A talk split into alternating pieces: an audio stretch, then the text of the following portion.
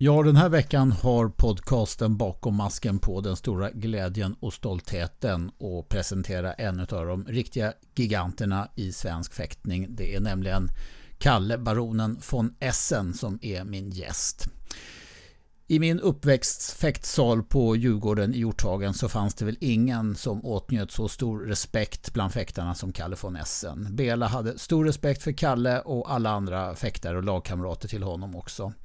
Han var professorn verkligen i den här gänget som erövrade världstronen under 70-talet på Herrvärja. Han hade koll på sin utrustning. Ingen hade sån koll på sina värjor som Kalle von Essen. Ingen hade sån koll på sin övriga utrustning. Precis de rätta skorna, den rätta handsken. Allting var perfekt och utprovat. Och det var också Kalle som skötte protokollet och höll reda på stötarna i lagtävlingarna som visste exakt hur laget slog till och vad man behövde göra och vem som skulle gå in mot vem. Så Kalle von Essen är kanske den viktigaste kuggen bland de övriga stjärnorna i det här laget. Så varsågoda och lyssna på Carl von Essen. Oh en garde. Prêt. Allez.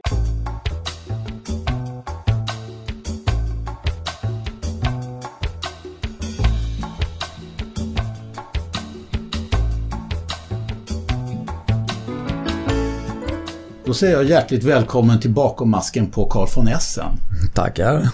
Vad trevligt Kalle att få komma hit till Östermalma idag och hålla en podcastintervju. Och vi har en strålande vacker vinterdag utomhus.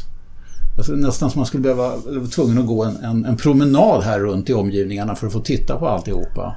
Ja, då får du nog ta till skidorna för det är 50 cm snö och skare. Så ja. det är inte så lätt men det finns ju mycket att se på. Ja.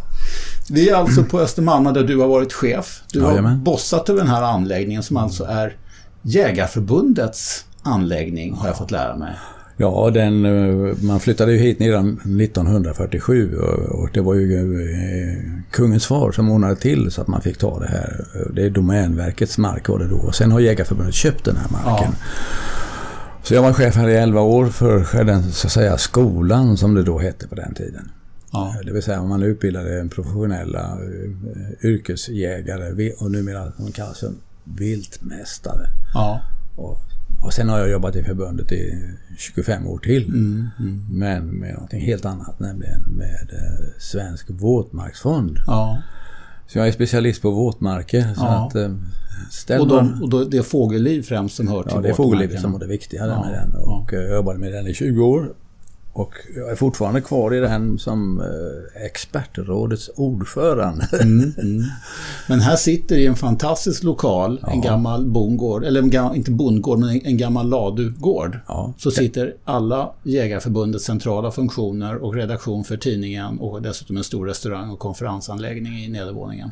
Jajamän, och man flyttade ju in här för 10-12 år sedan och eh, i en laggård helt enkelt. Mm, och så mm. blåste man ur den och så behöll man eh, strukturen på, eh, ja, framförallt här på andra våningen där vi sitter nu. Mm. Med alla de gamla fina takbjälkarna och mm. rälsen i taket där höet kom in och mm. så vidare. Jättefint, verkligen.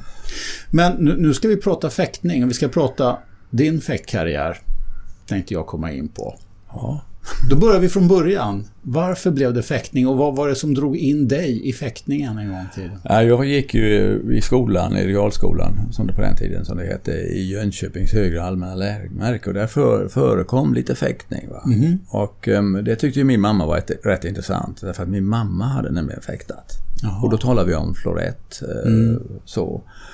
Hon var från Finland och hon hade fäktat. Eh, men alla manliga människor på den tiden, de fäktade ju bajonettfäktning eller någonting. Mm. Det ingick liksom i försvaret. Någonting. Så farsan hade ju fäktat med bajonett och sånt där mm. i skolan. Mm. Uh, och det var ju sådana gevär med, med en bajonett med en kula längst fram. Ja. och sådär. Och så var det någon mekanism så man kunde ändå stöta ja, ja, med den där bajonetten. Då åkte den in i då åkte, då åkte den där bajonetten in och, och så vidare. Och, uh, men morsan hade varit fäktare och hade ju drömmen om att eh, hennes barn de skulle bli olympier och de skulle bli gymnaster. Därför att hennes yngsta bror var gymnast. Mm.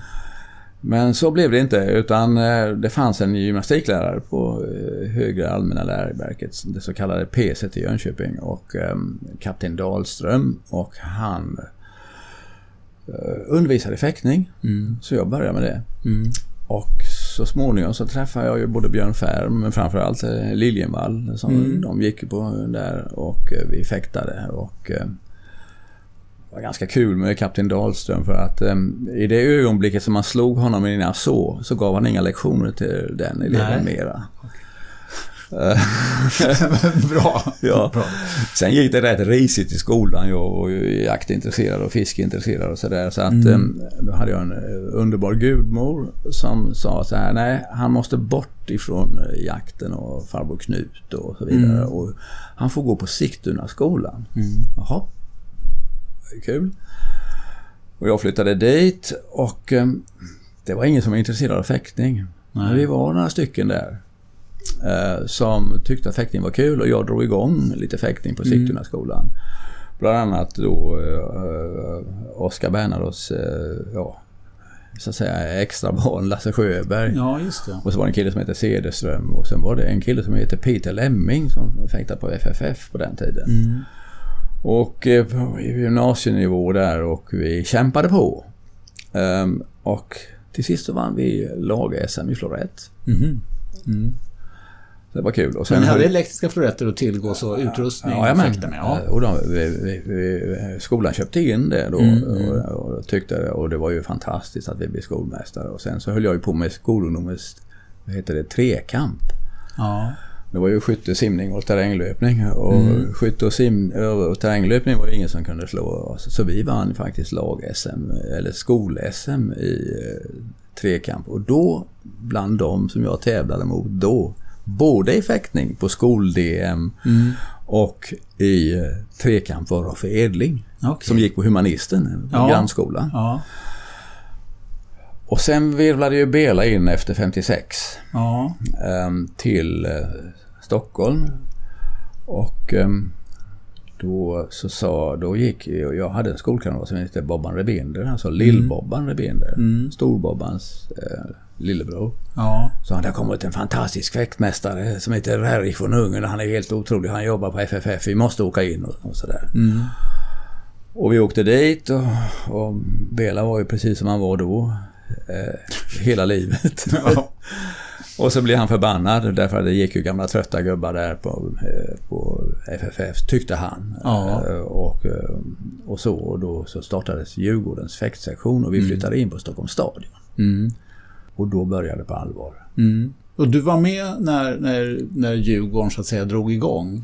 Jajamän. Fäktade du för FFF då en period eller fäktade du för Nej, Sigtuna? Du jag fäktade för. Sigtunaskolan Ja. och eh, när vi började då fäkta för Djurgården så blev vi ju bannlysta på alla jävla tävlingar och det var ett väldigt krångel att den här Djurgården det, det var ju inget bra och det var Nej. gick ju tävlingar på Näsby Park och du vet på Sjökrigsskolan och så vidare och då och vi åkte ju mjölktåget in för att få vara med på de där tävlingarna.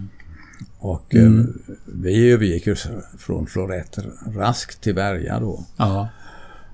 Men eh, ja, jag vet inte varför, men fäktförbundet eh, tyckte inte att vi eh, platsade på något sätt. Eller Nej. man var emot Bela på något vis, för han var ju rak som Ja. så. Men vi kom med och började slåss med alla de här gamla gubbarna. Falman och allt vad de hette. Hela gänget där. Och Bobban Rebinder och allihopa. Och sen så åt vi oss sakta men säkert upp. Mm. Och då hade jag väl som mål också på gymnasiet när jag gick ut ifrån gymnasiet att jag skulle bli jägmästare. Mm. Gå på Skogshögskolan. Men på den tiden var det ju stenhård konkurrens. Så då fick man ju läsa ehm, andra ämnen Ja. på universitetet. Så jag läste en del ämnen, geologi och annat. Och, ehm, och så bestämde jag för, okej, jag vill ju bli jägarsoldat egentligen. Men ehm, eftersom fäktningen låg nära till hands och då, då sökte Orvar Lindvall och jag, vi Mm. fäktade ju samma, till I1 som låg ute där polisskolan ligger nu. Mm. Och där knegade vi och sen åkte vi med I min bläck- Helenelund i Sollentuna eller? Ja, det var ju precis innan du... Innan där. Ulriksdal. Ulriksdal. Ja, mitt emot Ulriksdal. Så vi tränade då där för fullt på Djurgården.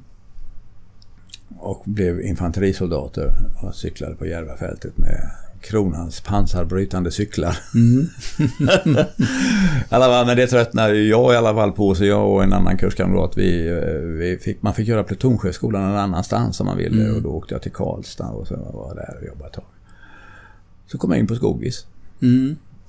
Och, För att bli jägmästare alltså. Ja, och då och jägmästare var, var bara... Ja, det handlar om skog. Skog? Ja, ja skog. Ja. Alltså, bara skog. De som sköter Sveriges skogar kan man säga. Ja.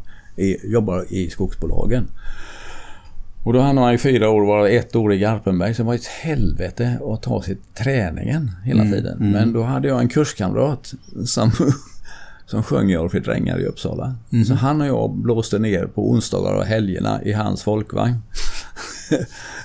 och, så, och jag åkte in på onsdagskvällen och, och, och tränade med Orvar och kompani och Acke Wahlberg och, och mm. Bagan och alla de där. Och bröderna Skog. Och sen så Sen hamnade jag i Skogis i Stockholm ja. i fyra år. Och då gick det ju framåt med en vansinnig okay. fart. Men redan då när jag var i Garpenberg, som var 1965. Mm. Det var på, på våren 65, vi skulle sluta där sen. Ja, då hade man ju tränat som en galning för att åka Vasaloppet. Mm. Men då hade jag ju slagit flera av de där storfräsarna på den tiden lite grann. Mm. Uh, och tillhörde ju Djurgårdslaget och så, och så. Och då så skulle jag precis åka till Vasaloppet en vecka innan så kom det ett brev från fäktförbundet. Jag tänkte, vad fan är det nu? Då är vi uttagna att ställa upp i Martini Cup i London. Mm. Jaha, tackar. Det var väl ingenting att välja på. Nej. Och det roliga med den resan var ju det, för det första var det ju min första internationella resa. Mm. 65. Och det var första gången som jag flög jet. Okej. Okay. Mm. Och flög till London och man tog in det på Seymour Hall, vet du, och mm. fina hotell och det, du vet, Martini bjöd och det var fantastiskt. Och jag kom trea. Ja.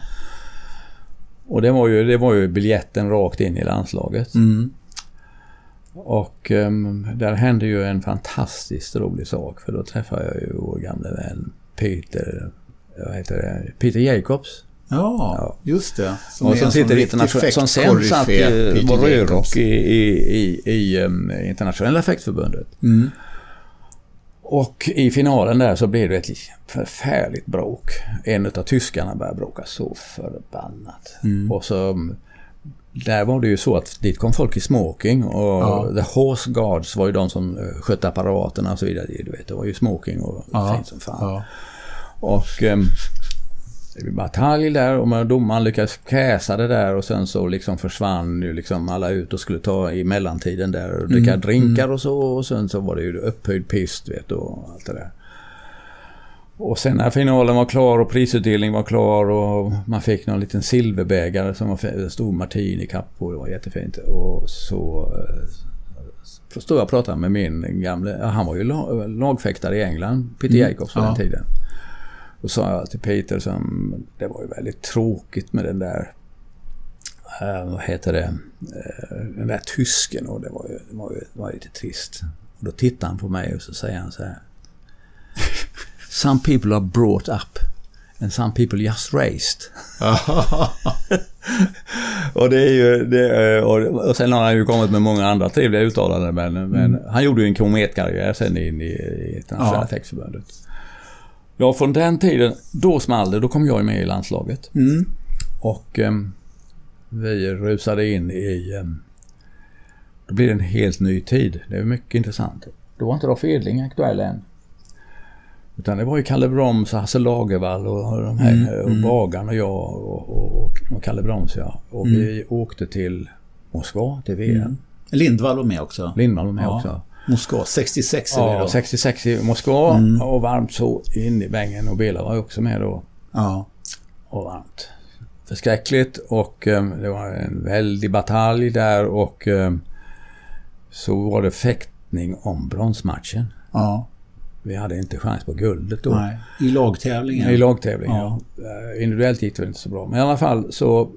Det var ju fyrmannalag, alla mot alla. 16 matcher och i halvtid då, då såg det rätt så bra ut. Mm. Eh, men det började svikta då.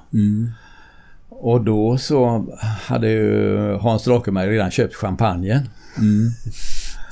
Och eh, då började det gå dåligt på andra halvan där. Så då gav han, då, då, då sa tyskarna att eh, ja, nu tar vi den. För de var på väg att vinna. Va? och sen så på de två eller tre sista matcherna där så lyckades vi ju vinna då. Så Hans fick ju snöpligen köpa tillbaka den där flaskan. Och det intressanta var det att ja, då var det ju bara pappmuggar. Ja. Ja, och så hälldes det champagnen i dem. Men de var ju hoplimmade med vatten, Ja. vattenlösligt lim. Ja. Så de liksom, de föll sönder i händerna där. Och sen så började, så kom Rolf små Ja, igen. ja. Och då till 67 som mm. gick i Montreal.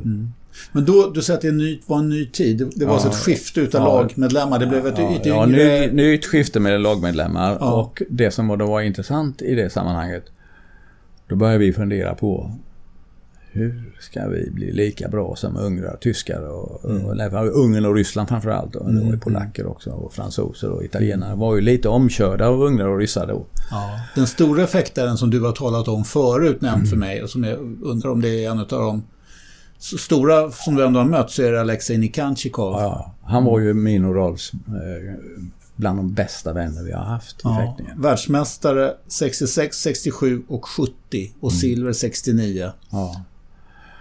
Eh, Och det som var, så intressant att ja, då gick ju då vidare och eh, då så småningom så, så um, fick väl Bela lite aning om att eh, jag kände Oskar Bernadotte. För Oskar hade nämligen anställt mig här i Jägarförbundet. Och jag hade ju varit på jakt där och det var ju så. Va? Och du vet, och Be- när Bela får väderkorn om någonting som är lite så, va? så slog han ju klona i honom direkt. Och lille Kalle rycktes ju in i det här också då. Så småningom. Och, ehm, och Lasse Sjöberg var ju redan med. Ja. Och ehm, då började vi tänka på hur ska vi göra? Och man funderade och vi funderade och funderade och så sa Bela så här ska vi inte åka till Ryssland och, Ja. liksom, och åka till Minsk och titta på när Nikanchikov och gubbarna tränar och hur de gör. Ja. Och vi visste ju lite grann mera om hur ungrarna gjorde. Det hade vi bra, bra koll på. Åkte dit, lyckas klå ryssen Mm. Eh, och så vidare. Och när jag kom hem då till, från den övningen som var brutal på många sätt. Men i alla fall så um, då säger jag till Bela att ja, nu har jag ju slagit Nikanchikov. Och då tittar Bela på mig och sa så här. Kalle, det vill jag inte höra. Jag vill höra när Nikanchikov slår Kalle från Essen. Ja. Och där hade vi ju hela Belas eh, inställning till det här. Va? Och då kom vi på så småningom att nej, nu måste vi göra någonting annat. Vi måste träna mera. Och träna hela dagar. Mm. Göra träningsläger med hela dagar. Vi hade börjat så smått då va, men sa att det här kan vi inte hålla på med. Ryssarna ligger på träningsläger hela tiden och är lediga på helgerna. Och det kan inte vi göra. Så att eh, Rolf och jag och, och Orvar Lindvall och delvis Orvar Jönsson, han var ju inte med i ledarsvängen då riktigt. Men, men vi började tänka lite då och tänkte så här, ja, mm, mm. Nej, nu tänker vi om. För det första måste vi ut. Och det ordnade, risk, eh, det ordnade vi. Vi hade åkt tåg då rätt länge till en del världscupstävlingar och sådär. Tåg till Milano, vet du, tre dygn eller två och ett halvt.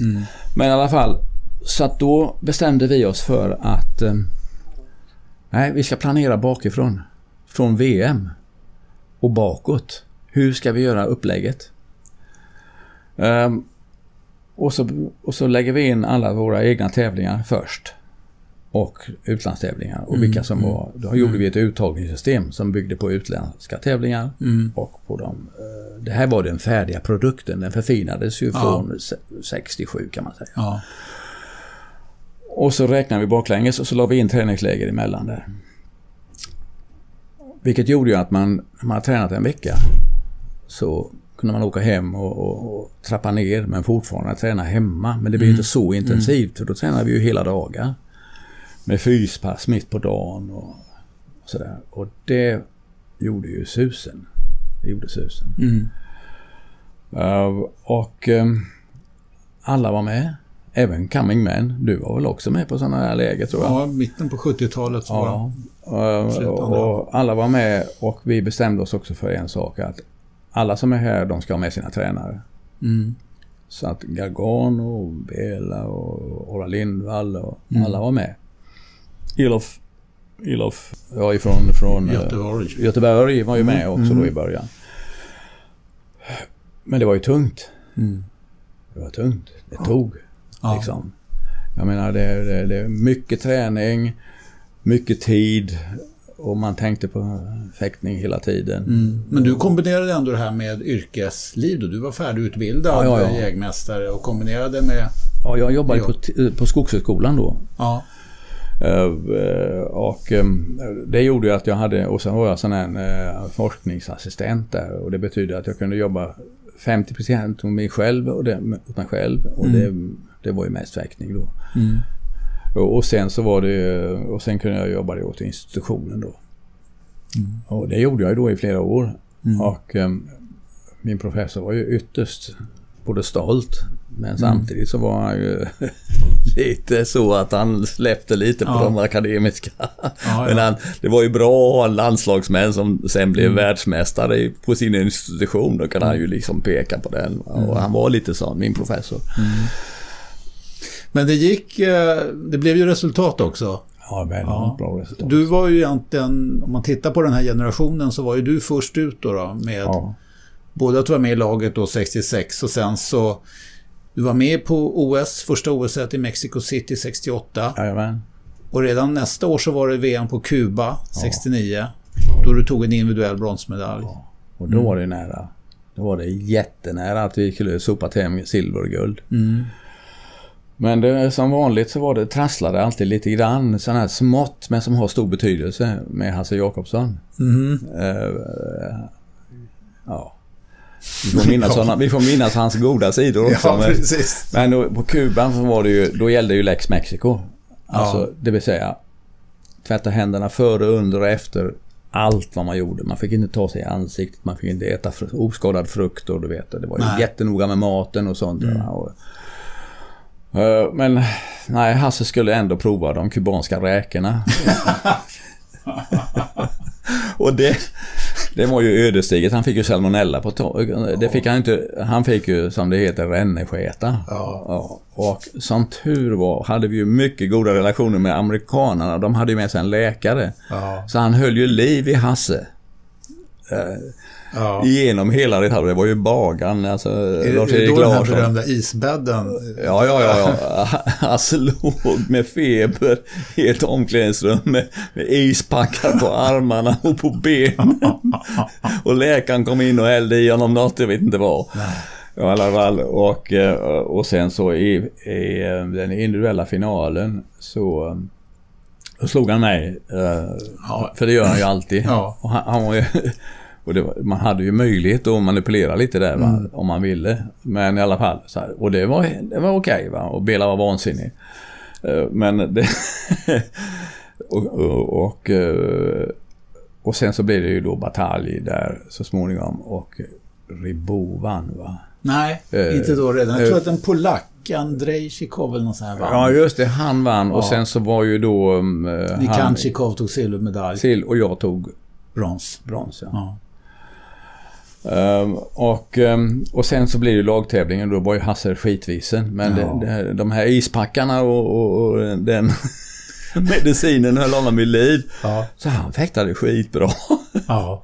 och Bagan slet som en orm. Och, och, och, eh, han var inte så teknisk men det var en jäkla kämpe va. Ja. Och, och en lagfäktare utav stora mått. Så att, eh, och vi hade ju jättetrevligt och vi kämpade så in i bängen. Där, Och lyckades ju ta bronsmedalj. Mm.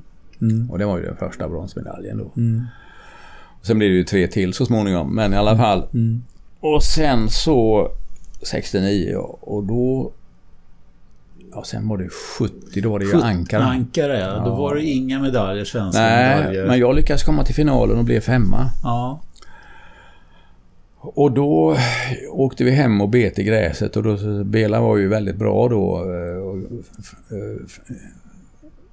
Chicho var inte så mycket så, utan han var ju, han var ju en, en superduktig eh, teknisk tränare för mm, mm. Orvar Jönsson och, och ja, alla hans ja. elever var ju, ja, det var ju, det var ju gudomligt att se det, mm. hans lektioner. Och, men Bela var ju, han var ju lite strateg och taktiker också.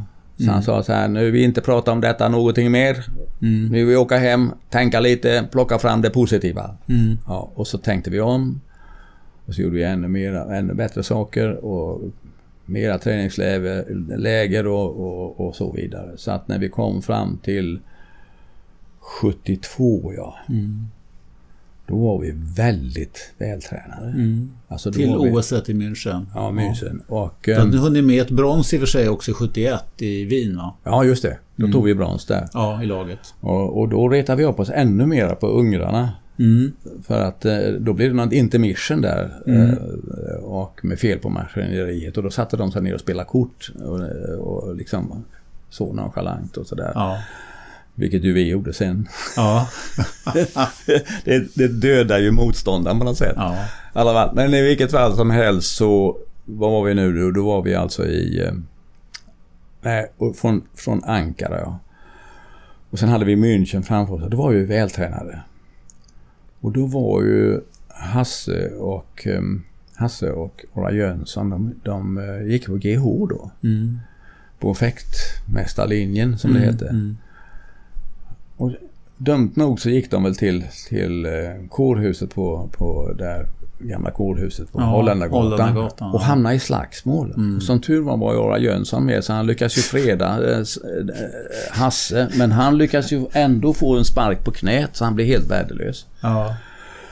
Och då trollade, tror jag, alla doktorer med att rigga upp hans knä så han kunde röra sig. Ja. Uh, och han tränade vidare, tränade vidare och så vidare. Och sen, men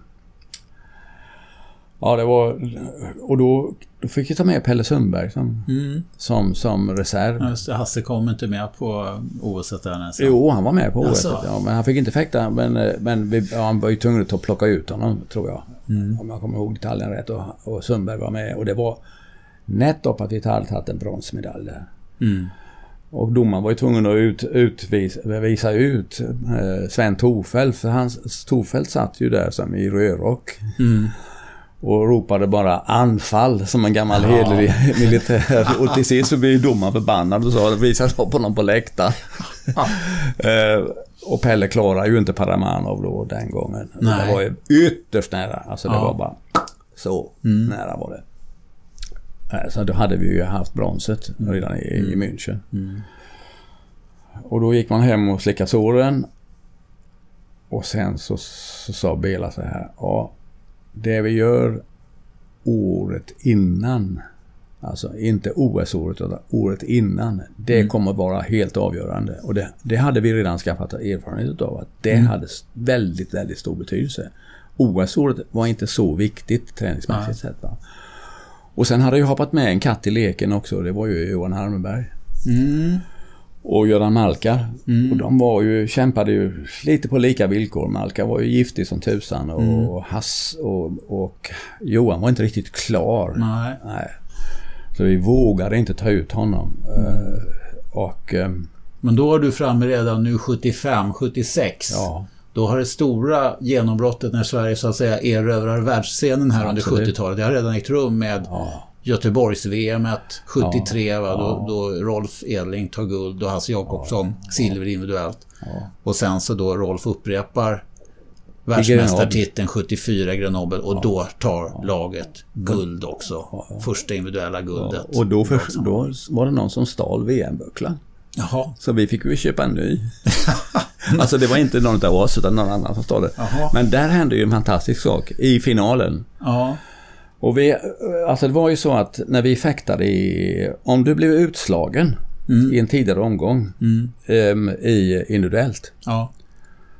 Så blev du liksom slav till den fäktare som gick vidare. Ja. Så jag var ofta slav åt Hasse Jakobsson. Mm. Och Orvar, eller Lennart Rolin åt um, Roffe. Mm. Alltså servar med vapen, ja, meka, meka allting. allting. Ja. Och i finalen så var ju då Lennart Rolin mm. serviceman åt Rolf. Åt Rolf ja. och, och då blev den hans supervärja för lätt.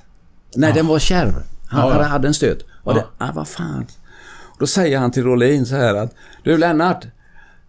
Gå och smörj, smörj upp eh, spetsen här. Ja, Men, vadå? Ja, man går till Kalles väska, ytterfacket. Där ligger eh, sån eh, eh, särskild spray som du ska ta. Och han tog den och så kom bärgaren tillbaka och då bara fastnade den i botten. Ja. Och Rolf var ju, han blev vansinnig. Tog du greppet direkt? Ja. För det hade vi på handskarna ibland. ja, ja. Ja, Sen- så han tog en annan sprayburk va. Så han fick ta en sämre värja men det gjorde ju att han vann förmodligen. Ja, det, var, det var en sån här liten rolig grej. Mm, Och då 75, Ja. då hade vi ju tränat stenhårt. Mm. Alltså riktigt jävla hårt. Riktigt hårt. Nej, 70... 74, 74. Nobel. Då var det guld både individuellt och i Ja, lag. Och och sen så 75 då, då Budapest. Då var det i Budapest, Då, då var det ja. lag igen. Ja, och då så fixade inte Rolf finalen va? Jo, Jo, han kom till finalen ja. Ja. Men han lyckas inte vinna. Nej. Och då...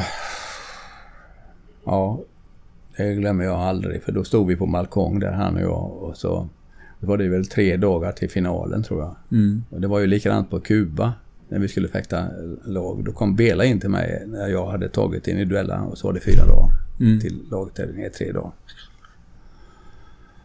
och då så kommer han in och så tar han ett tandborstglas och häller upp den med, full med whisky så här. Du dricker upp den här, vi glömmer detta genast. och under Belas jag svepa hel jävla glas med whisky. För att glömma. Och då stod jag med Rolf eh, på balkongen där i Budapest och han var ju... Han hade ju finalen i sin hand nästan va. Och då så jag, Ta lite whisky nu. Tänk på mig och, Kuba. Det kan gå bra i lagtävlingen. Mm. Och eh, då var ju Leffo och Lappen giftigt bra alltså. Ja. Och kämpade för saken. Mm. Riktigt ordentligt. Så vi lyckades vinna Mm. lagtävlingen. Mm.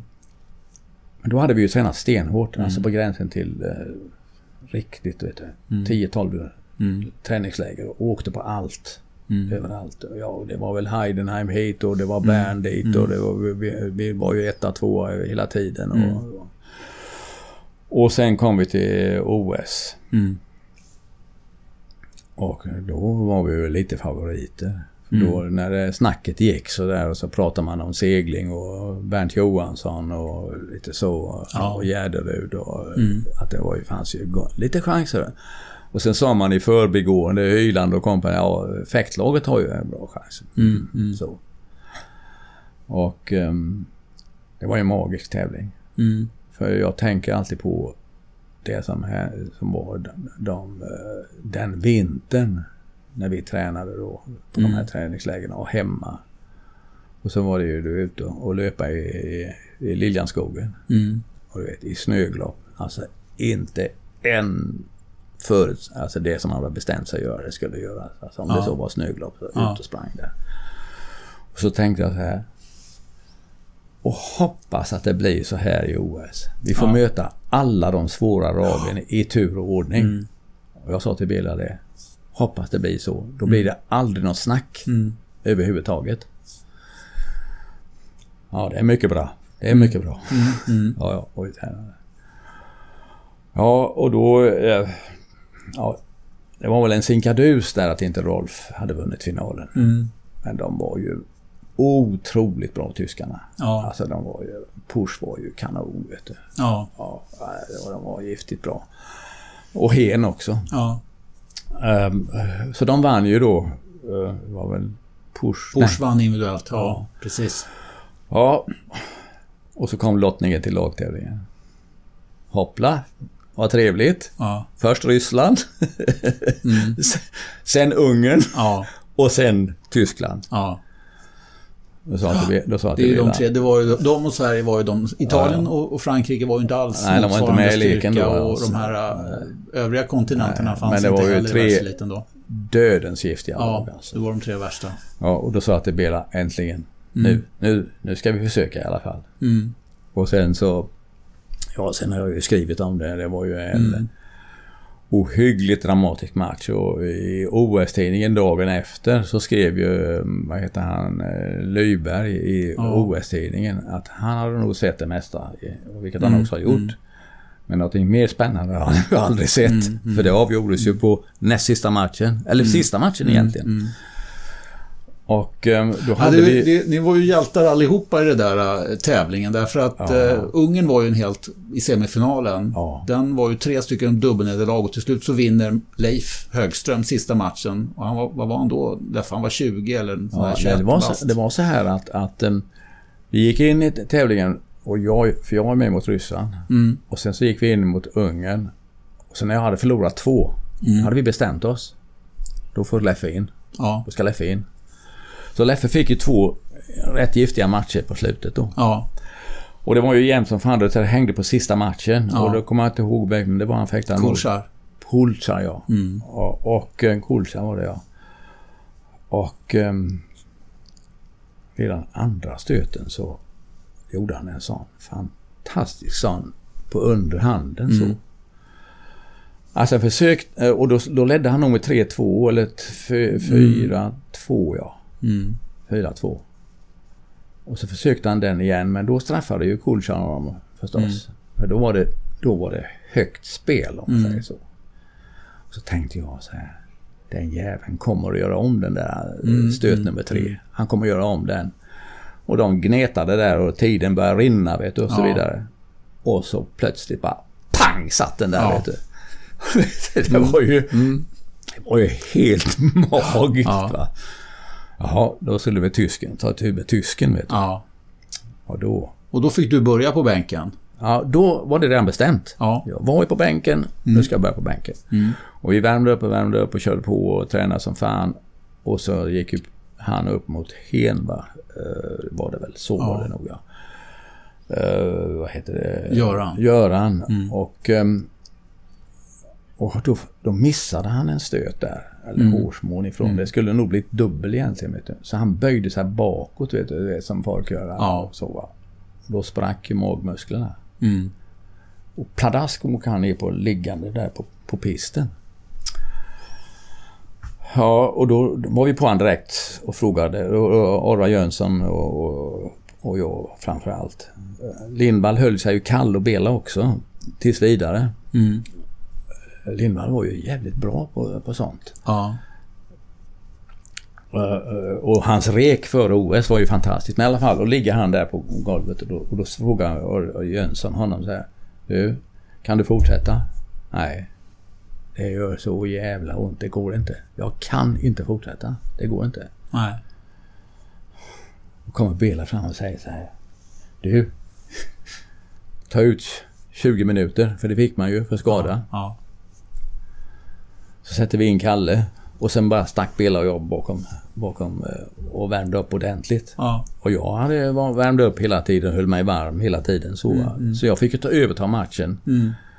Eh, Och, och, och till sist så reste sig ju lappen upp. Jag kunde knappt han fick ju bäras ut på bår. Och, Mm, och, mm. nej, jag kan inte vet du. Och Malakarne var väl lite frikostig där mot oss. Mm. För det var han som dömde. Det var ju världens bästa president eh, på den tiden. Alltså domare. Och så in där och förlorade den matchen mot honom. Men då hade vi ju vårt mycket finurliga protokoll som hade dödskoll på stötläget Mm. hela tiden. Och visste precis. Ska vi göra dubbelnederlag eller inte? Det kunde man se direkt på det protokollet. Ehm, så vi, det blev ju tre dubbelnederlag. Ja, mot, mot ungrarna vart det det. Ja, men men sen två- mot tyskarna så tror jag inte, vet inte om det var något dubbelnederlag. Kanske ja, ett. Det, det var, ja, ja, nej, det var flera dubbelnederlag Okej. där. Mm. Ehm, för att det blev ju då ehm, först till sjua. Mm. Först till vara. sju, ja. Ehm, annars hade vi blivit först till åtta. Mm. Ja, så var ju lika då. Ja. Och då hade de ju spelat ut sina kort kan man säga. Mm. Genom att använda hen och push. Mm. Och så lyckades jag ju slå både push och Fischer. Mm. Och sen så hade ju han Fischer kvar, Mm. Mm. Roffe. Ja. Och då, var det ju, då sa ju inte vi någonting. Nej. För då visste vi att nu är guldet klart. Mm. Det ska ju finnas till ett mirakel. Ja. Att det- en vänsterfäktare mot en högerfäktare. Mm. Och så den jävla giftormen i det läget.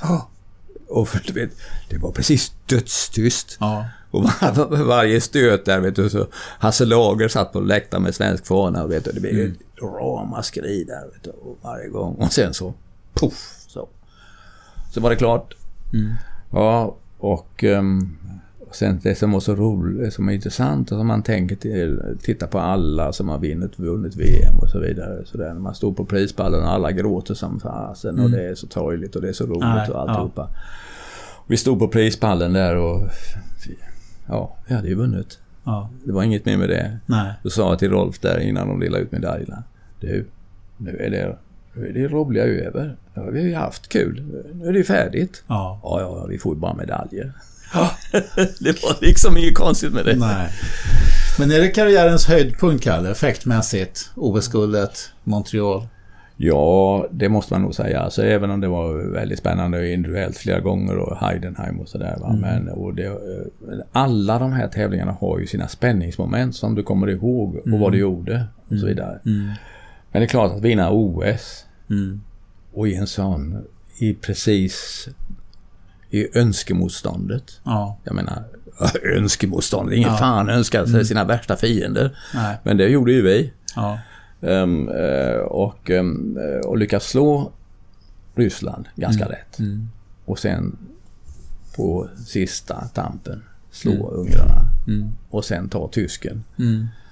Mm. Det var ju väldigt gött om man säger så. Mm. Nej, men det, Så det var ju en karriär och då, då ja. kommer man ju ihåg alla de här matcherna. Ja. Och man tänker på vad är det? Ja, hur går det? Ibland, ibland går det med flow så här bara. Mm. Hur enkelt som helst. Du slår vem som helst. Och ibland får du slita som en idiot och ändå vinner du. Mm. Och ibland så går det med flow och du åker ut så det säger pang. Och du får slita som en idiot och du åker ut pang. Va? I det här fallet så finns det en sak som jag har tänkt på mycket. Jag har försökt analysera det där ordentligt. Och det är att i de här avgörande ögonblicken när man är väldigt vältränad. Att man har modet Mm. att göra det där som man har förutsatt sig. För du har ju bestämt dig för att... Och det där Ja. modet det ligger liksom i hjärnan och lurar lite så här va. Så rätt vad det är så, så, så vågar du fast du inte har bestämt dig. Och ibland har du bestämt dig för att när läget kommer, då gör jag det bara. Mm. Jag skiter i det. Jag, jag, jag, Mm, jag, mm. tar en risk då. Mm. Men det är, det är att vara modig att ta den risken. Mm. Och det där kan jag inte förklara riktigt men, men, men eh, jag tror att eh, de flesta som har eh, ja, Vegge och allihopa vet precis vad man snackar om när man säger Det det. finns ett annat uttryck som, som förknippas med dig och det, är, ja, det förknippas i och för sig med andra före dig också men ändå väldigt mycket med dig och det här prepare for luck. Ja, nej men det var ju så här att eh, eh, efter matchen där då så kom ju Peter Jacobs i sin Mm. rödrock Mm. Mm. och du vet han kommer fram till mig och, och, och säger så här, det var ju fantastiskt och enastående bra och allt Mm. det här. Och eh, jag gjorde ju som alla svenskar sa. Ja, vi hade ju lite tur och så. Ja, ja, ja, du, Den grejen. Hade det varit en amerikan hade han sagt. I'm very proud. I did my best och så vidare. Och du kan ju se på Lindsey Vonn eller vilka som helst Ja. de här, vad de säger efteråt. Mm. Och jag sa, ah, vi, ja, vi hade lite tur. Fast jag egentligen inte ville säga det. Nej, nej. Och då så, då stirrar han mig rakt in i ögonen och säger så här. Carl, you had to be prepared for luck. Ja. Och det är ju precis vad, vad, Ja. vad Stenmark sa sen. Ja. Alltså, Precis. Ja. ju mer du tränar desto mer tur Ju du. mer man tränar desto Ju mer tur går det. Ja. Men du, ehm, du, du var inte riktigt färdig där ändå. Sen var du förbundskapten 77 Ja. och var med. Och då kom ju Johan Harmenberg in i Och laget. det var, ett, det var ju ett klokt val. Att, att han, för han var ju vass då. Ja. Och han hade ju... Han, Han ville ju vara hemma och käka taggtråd säger han då när ni tog guldmedaljerna. I, Ja, det gjorde han. i- Och, och. Chaneski slutade och, och... Nej, det, han var kvar då och han tränade och sånt där. Och det var ju givet att han skulle vara med och han vann Ja. väl Heidenheim. Men han blev skadad i en tävling också i Ja. Heidenheim något år Ja. innan. Men Just han var ju given då va? Och jag var då reserv. För vi hade inte råd med mer. Mm. Och eh, för att man ska få vara reserv då måste man ställa upp i ett annat vapen. Och då, så, då säger Bela, du ställer upp i sabel. Jaha. Jaha, så jag, jag har ju faktiskt ställt upp i, det var 1977 va, i, Ja, i, i Argentina, Buenos Aires. Aires. Med en, sån, med en lånad sabel. och började svinga där för fullt. och då höll jag på att ta tre segrar i försöken. Och då säger Bela, du lägger dig, Ja, du inte blir sönderslagen. Så du fick inte gå vidare där? Nej, jag fick inte gå vidare. Eh, och han hade ju delvis rätt, för du vet orena slag där rätt över Ja. ryggen med en sabel. När man slår med, med plattsidan Mm. och så tar det i ryggen, då, då har du Ja. ju en prinskorv från arslet till nacken. och det var ju inget bra. Men du, eh, 78 då i Hamburg, då var du med i laget igen. Då hade Leif Ja. Högström och Göran Flodström, de hade försvunnit. ja, och då kom Kalle Bernadotte med. Ja. Och ehm, så var det Hasse, jag och Rolf, Kalle Bernadotte och Malka. Malkar, ja. Malkar, ja. ja. Och Malka. Johan var väl med också någonstans, Johan var... förstås. 78 Ja, det var, ja, det var han ju med då. Ja. Och, och ehm, Det vart väl en brons i laget? ja, då fäktade vi brons och Hasse var ju i finalen och sjabblade bort uh, guldet två gånger där. Eh, Och det var ju ytterst tragiskt. Eh, Det skulle han inte ha behövt göra. Va? Nej. Han gjorde ju... eh, Alltså, vi sa ju till honom då, jag och Ara Jönsson, så vi hade ju hand om honom. Ja. Vi var dubbla slavar där. Ja. Till finalen. Mm. Så att Ribot var ju problemet. Ja, fransk De effekt. andra, de andra de, Ribaud. de, och när han skulle möta Privos, med Ribot så, så, så, sa han är ju från rätt fäktare i grunden. Mm. Så att akta dig nu. För fan. Nu gör du precis som du gjorde på din femkampstid. Det är bara att backa och stoppa honom på när han kommer. mm. Eller på när han bara går framåt. Det var han ju jättebra på Hasse. Hur bra som helst. Mm. Han kunde arretera vem som helst i det läget. Och det gjorde han tills han ledde med 4-1, 2 eller 4-1. Ja. Ja, och då, då tog Hasses... Fick han ju stollarrycket. Ja. Började anfalla. Och vi skrev... Orf och jag, allt vad vi orkade. Jag trodde vi skulle bli utvisade. Mm. Gör nu som du gjorde på de fyra första och, och liksom sida. Och han anfall och anfall och förlorade med 5-4. Mm. Och så hade han en blåtur så blir det omfäktning om fyra. Ja. Ja, det gjorde han precis. Då sa vi, nu, nu jävlar i mig, gör du precis som vi säger. Du, du måste fan lyssna på vad vi säger. Ja, han började jättebra. Och sen låg han i bra överläge med 5-3 eller något sånt där. Ja. Och Ribot. De andra var ju inte så bra. De slog ju varandra dessutom. Ja. Och Hasse som tjuren Ferdinand bara rätt på, vet du. Du vet, det var ju ingenting för Ribot att ha en fäktare Nej. som kommer till anfall. Han var ju flöjtist, han kunde ju försvara sig. Ja, så att Ja. eh, där missade han eh, guldet. ja. Och sen, sen åkte vi till OS 80 då. 80 ja. Ja. Och då var du bara med som lagledare, förbundskapten. Ja. Och, ehm, eh, och då, ja, då hade väl Hasse börjat tackla av och Roffe var ju fortfarande på hugget. Han var fortfarande- Han var ju verkligen på hugget. Va? Och Johan var ju absolut på topp. Han var, alltså han var riktigt på topp. Mm. Och ehm, han lyckades ju slå Rolf. Ja. Vilket eh, inte var så väldigt vanligt. Eh, Nej. Men, men eh, ja, 50-50 kanske. Beroende på vilket träningsläge det var. För Johan var ju en sån som fäktade fantastiskt bra när han hade mycket träning Ja. bakom sig. Rolf hade ju inte riktigt den... Han, han litade på sin teknik och, och Mm. mycket mera. Men var ju oerhört vältränad. Man kommer inte till OS-final vet du, Nej. på ingenting. Va? Så att, eh, nej det var ju synd. Och sen i lagtävlingen då... Ja, då var ju Hasse skitdålig. Då hade han ju redan blivit utslagen och hade väl tappat humöret helt och hållet. Mm. Och Johan var väl ganska nöjd skulle jag tro alltså. ja. Svårt att ladda om efter en sån. Ja, det var svårt att röra om där och, och du vet. Ja, kämpa på där men eh, det var eh, det var lite synd att Hasse och Roffe in- liksom, ja, de föll ju inte igenom men, men, Nej. men Nej, det krävs att alla går starkt Ja. för att vinna Ja. lagtävling. sådär så att eh, de föll ju inte igenom egentligen? Och, och, och Johan var väl ganska nöjd tror jag och han kämpade på som fan men vet mm. de där gubbarna som man fäktade med på den tiden. har de sett en sån här fantom så då går de ju hem och tänker. Mm. Att den där måste vi passa oss för. Ja. Här, här går det inte att gå i fällan. Va? Eh, och skickliga fäktmästare många va? Mm. som direkt såg eh, ja, något slags botemedel. Och sen är här, alla räknar ju med att den som har vunnit är lite mätt. Va? Ja. Så det, det drabbades Johan av det. Va? Eh, Så att det var, det var lite synd. Där hade vi nog chans att ta en medalj i alla fall trots allt. Mm. För laget var inte dåligt. Nej. Nej. Men eh, jag var väl mest besviken på Hasse där. Att han, han tappade geisten liksom. Mm. Tyvärr. Men, men hur var det sen då? 81, 82? Var du kvar som, du var kvar som förbundskapten? Ja, jag var klar ett tag till och sen så övertalade jag Leffe att ta över det. Ja. För jag, jag, då, då, Var du med över Los Angeles 84 eller? nej, då var jag inte med. Jag fäktade individuellt några gånger och det var väl på...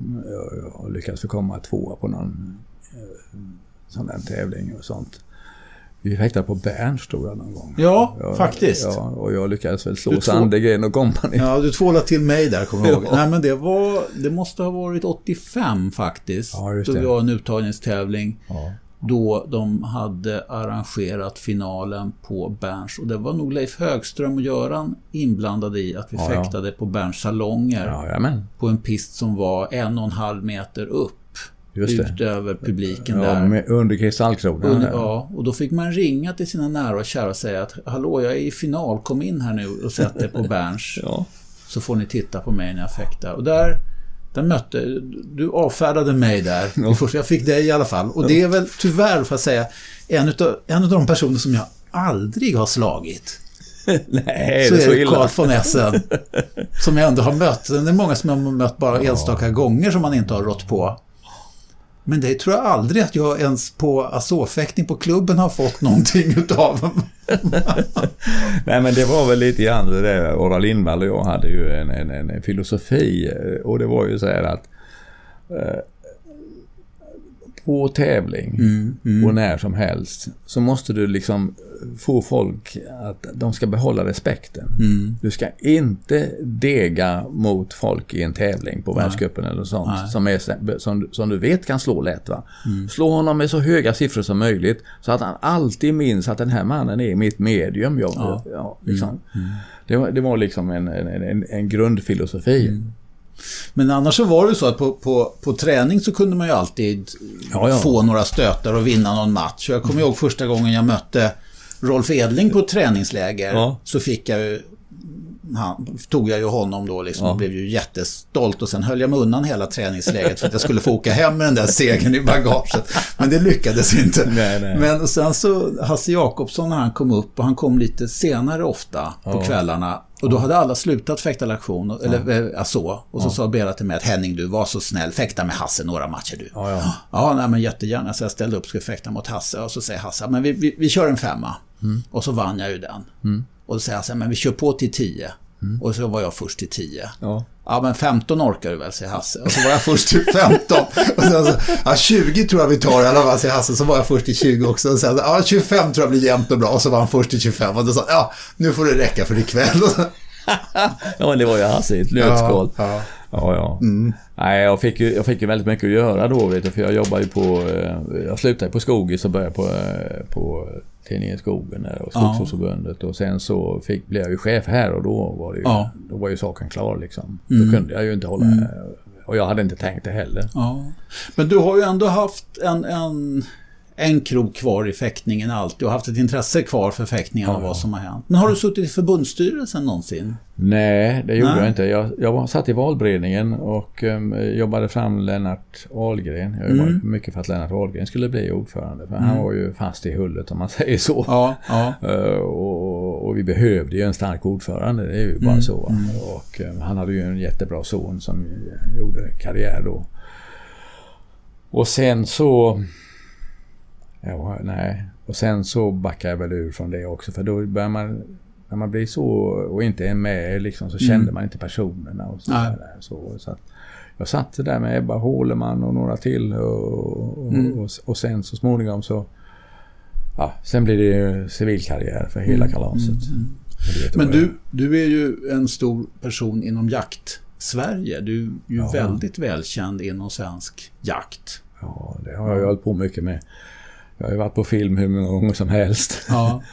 Men eh, ja, nej, men jag är ju väldigt intresserad utav jakt och viltvård och natur och ornitolog och sen så är jag ju flugfiskare. Mm. Så man åker till Nordkalotten och fiskar och sådär va. Och, Mm. och sen eh, jakt i England och Spanien och Afrika och Kuba och jag varit i Kuba och jagat. Okej.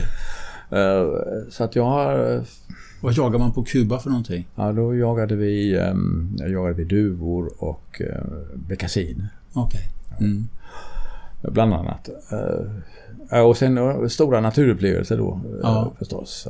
Och, um, ja, och sen har jag ju hundar och sånt. Och sen nu jobbar jag ju åt Jägarförbundet på, Mm. i föreningen så att säga. Mm. Men du har inte gått i pension? Nej, det gjorde jag ju, vad fan, eh, 1965. Ja. Jag satt ju kvar i våtmarksfonden som generalsekreterare tills jag var 70 va. Mm. Mm. Och nu så, nej nu har jag fullt upp. Jag har mätt många projekt. Jag håller på med Våtmarksfonden eh, eh, på deras expertråd och sen håller jag på med Jägarförbundets, eller jobbar som konsult åt Jägarförbundet i ett stort projekt om, om, om fältvilt. Det vill säga harar, fasaner och rapphöns. Mm. Och, eh, och sen så, jag är ju engagerad i Fäktförbundets framtid. Mm. Och ehm, nu ska jag åka ner till uh, Nyköpings fäktklubb och se hur de har det Mm. och vad de håller på med. Mm. Följer du med fäktningen? Har du, vet du ungefär vilka killar som är i, och tjejer som är i eliten nu eller? Nej. Skulle hålla reda på det också. Mm. Alltså jag måste ändå prioritera, det, jag, det, Mm. jag, det jag lever av så att säga. Jag har ju lite skog i Småland också. och Mm. Jag har ju fyra barnbarn och Mm. de måste ju se natur och, och sånt. Va? Och så att... eh, Och jag bryr mig inte i det läget tycker jag. Utan jag, jag tycker att vi ska få ett bra nytt system Mm. som vaskar fram de här... Det finns ju. Det finns alltid elitmänniskor i Mm. någonting. Va? De kan vara begåvade ur, ur olika synpunkter. Snabba, kvicka.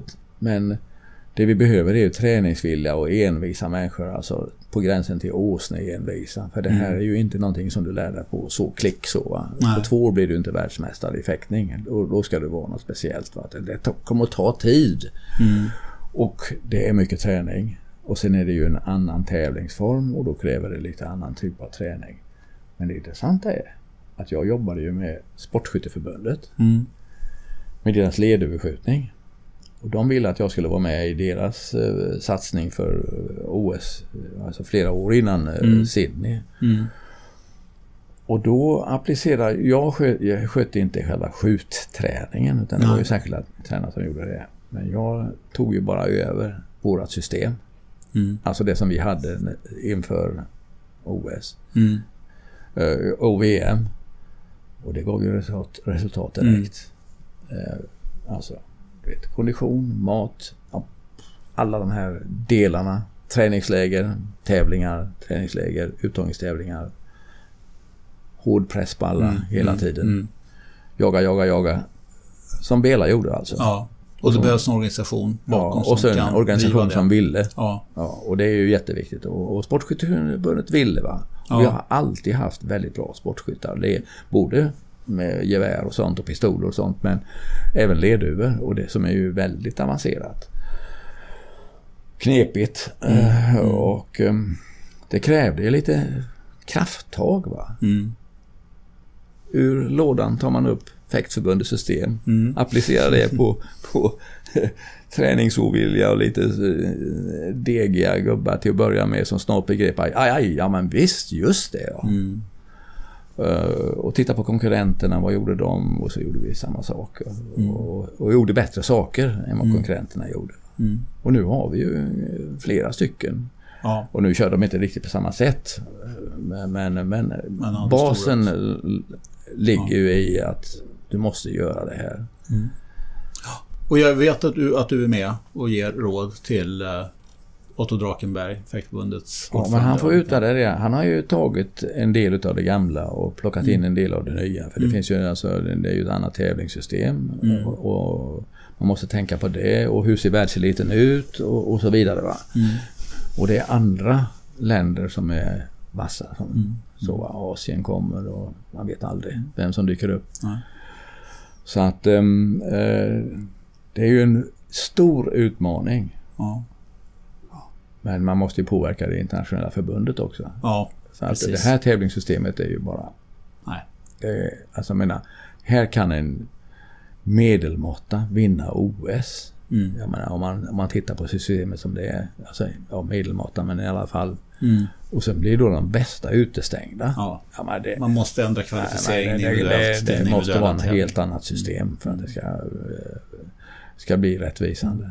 Jag vet att Otto Drakenberg är engagerad i det i på Ja. internationell nivå. Du, dags att avrunda lite grann här. Sista frågan då. Vem är den bästa fäktaren som du har mött, som du har ställts emot? Vem skulle du plocka fram då, nämna?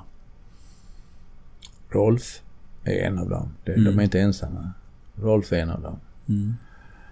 Eh, och sen är ju naturligtvis Nikanskov. Mm. Han var ju fantastiskt bra. Alltså. Mm.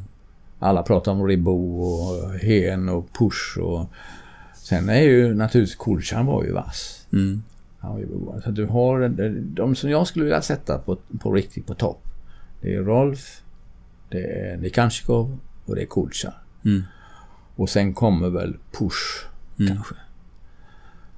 Eh, och de, i dagens tävlingssystem hade de kommit väldigt långt. Ja, jag tror det också. Alltså, de var ju spänstiga, kraftfulla och framförallt så hade de ju en skalle utav dess... Nej, de vågade göra saker. Mm. Det kan jag säga. Mm. Det var inte som Hasse, chansare och Nej. så. Och, och inte Johan att förringa. Johan var ju jätteliftig Ja. eh, förstås. Mm. Men, men, men eh, inte riktigt på den nivån. Nej. Mm.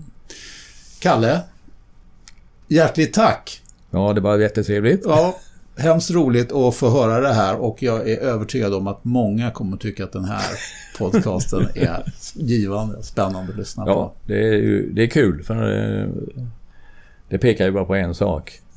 Träna mer och träna med kvalitet. Ja, Då blir man bra. tack. Tack så du ha.